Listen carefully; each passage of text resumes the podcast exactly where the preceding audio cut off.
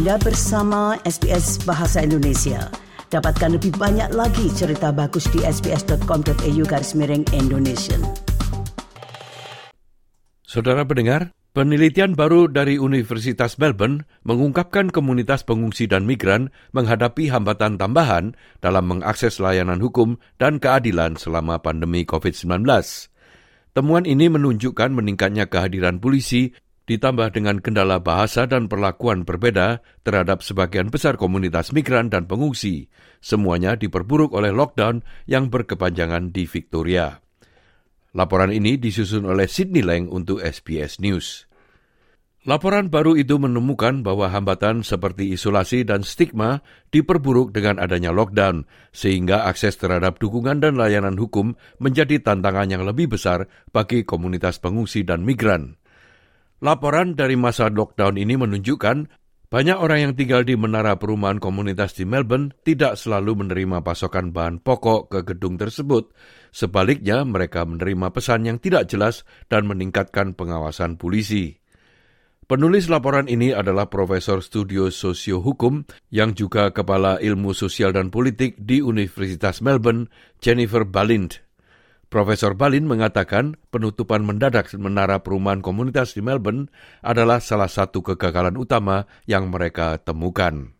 Really simple things like a failure to use interpreters well in that situation, which is really surprising still that that was not done well. The way in which communities were isolated from providers, the surveillance of communities at that time, the really differential treatment that was given, that community organisers and community leaders were not included and had to actually push their way into the decision making forum. Trauma dan rasa ketakutan saat berhubungan dengan aparat penegak hukum, terutama pada saat kehadiran polisi meningkat, juga disebut-sebut sebagai faktor penyebab hambatan itu. Profesor Balin mengatakan bahwa isu-isu yang disajikan dalam laporan tersebut sudah menjadi tantangan bagi komunitas ini dan semakin diperburuk oleh pandemi.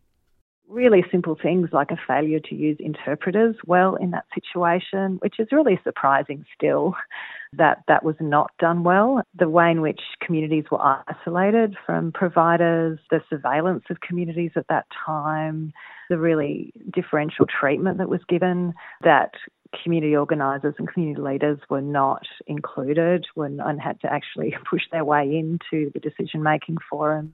Laporan itu juga menemukan bahwa kondisi di dalam tahanan menjadi lebih buruk selama masa lockdown akibat pandemi dan adanya pengungsi dan pencari suaka yang dikarantina di fasilitas penahanan Park Hotel di Melbourne.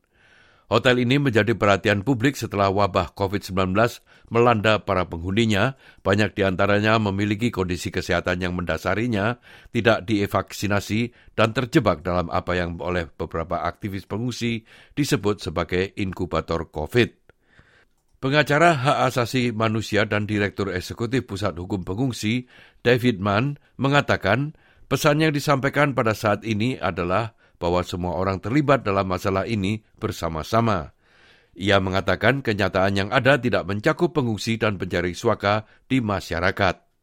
State and federal governments in Australia were responding accordingly with paradigm shifts in policy, and that was underpinned by the sort of principle of shared responsibility that we're all in it together. And yet there was this stark exception, which I think caused huge additional suffering to people seeking asylum, and that was um, you know, just an, a clear, clear cut failure to meet the needs of people. And what resulted, and we saw this very, con- yeah, eh, you know, we saw this graphically, an inequitable response that excluded some of the most vulnerable people, putting not only them but our whole community at really grave risk.